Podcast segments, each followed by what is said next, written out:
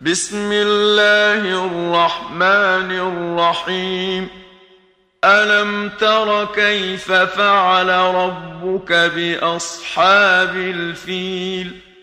ألم يجعل كيدهم في تضليل؟ وأرسل عليهم طيرا أبابيل ترميهم بحجارة من سجيل فجعلهم كعصف مأكول.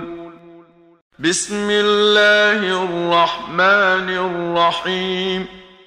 ألم تر كيف فعل ربك بأصحاب الفيل؟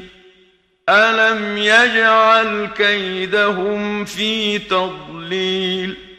وأرسل عليهم طيرا أبابيل ترميهم بحجارة من سجيل فجعلهم كعصف مأكول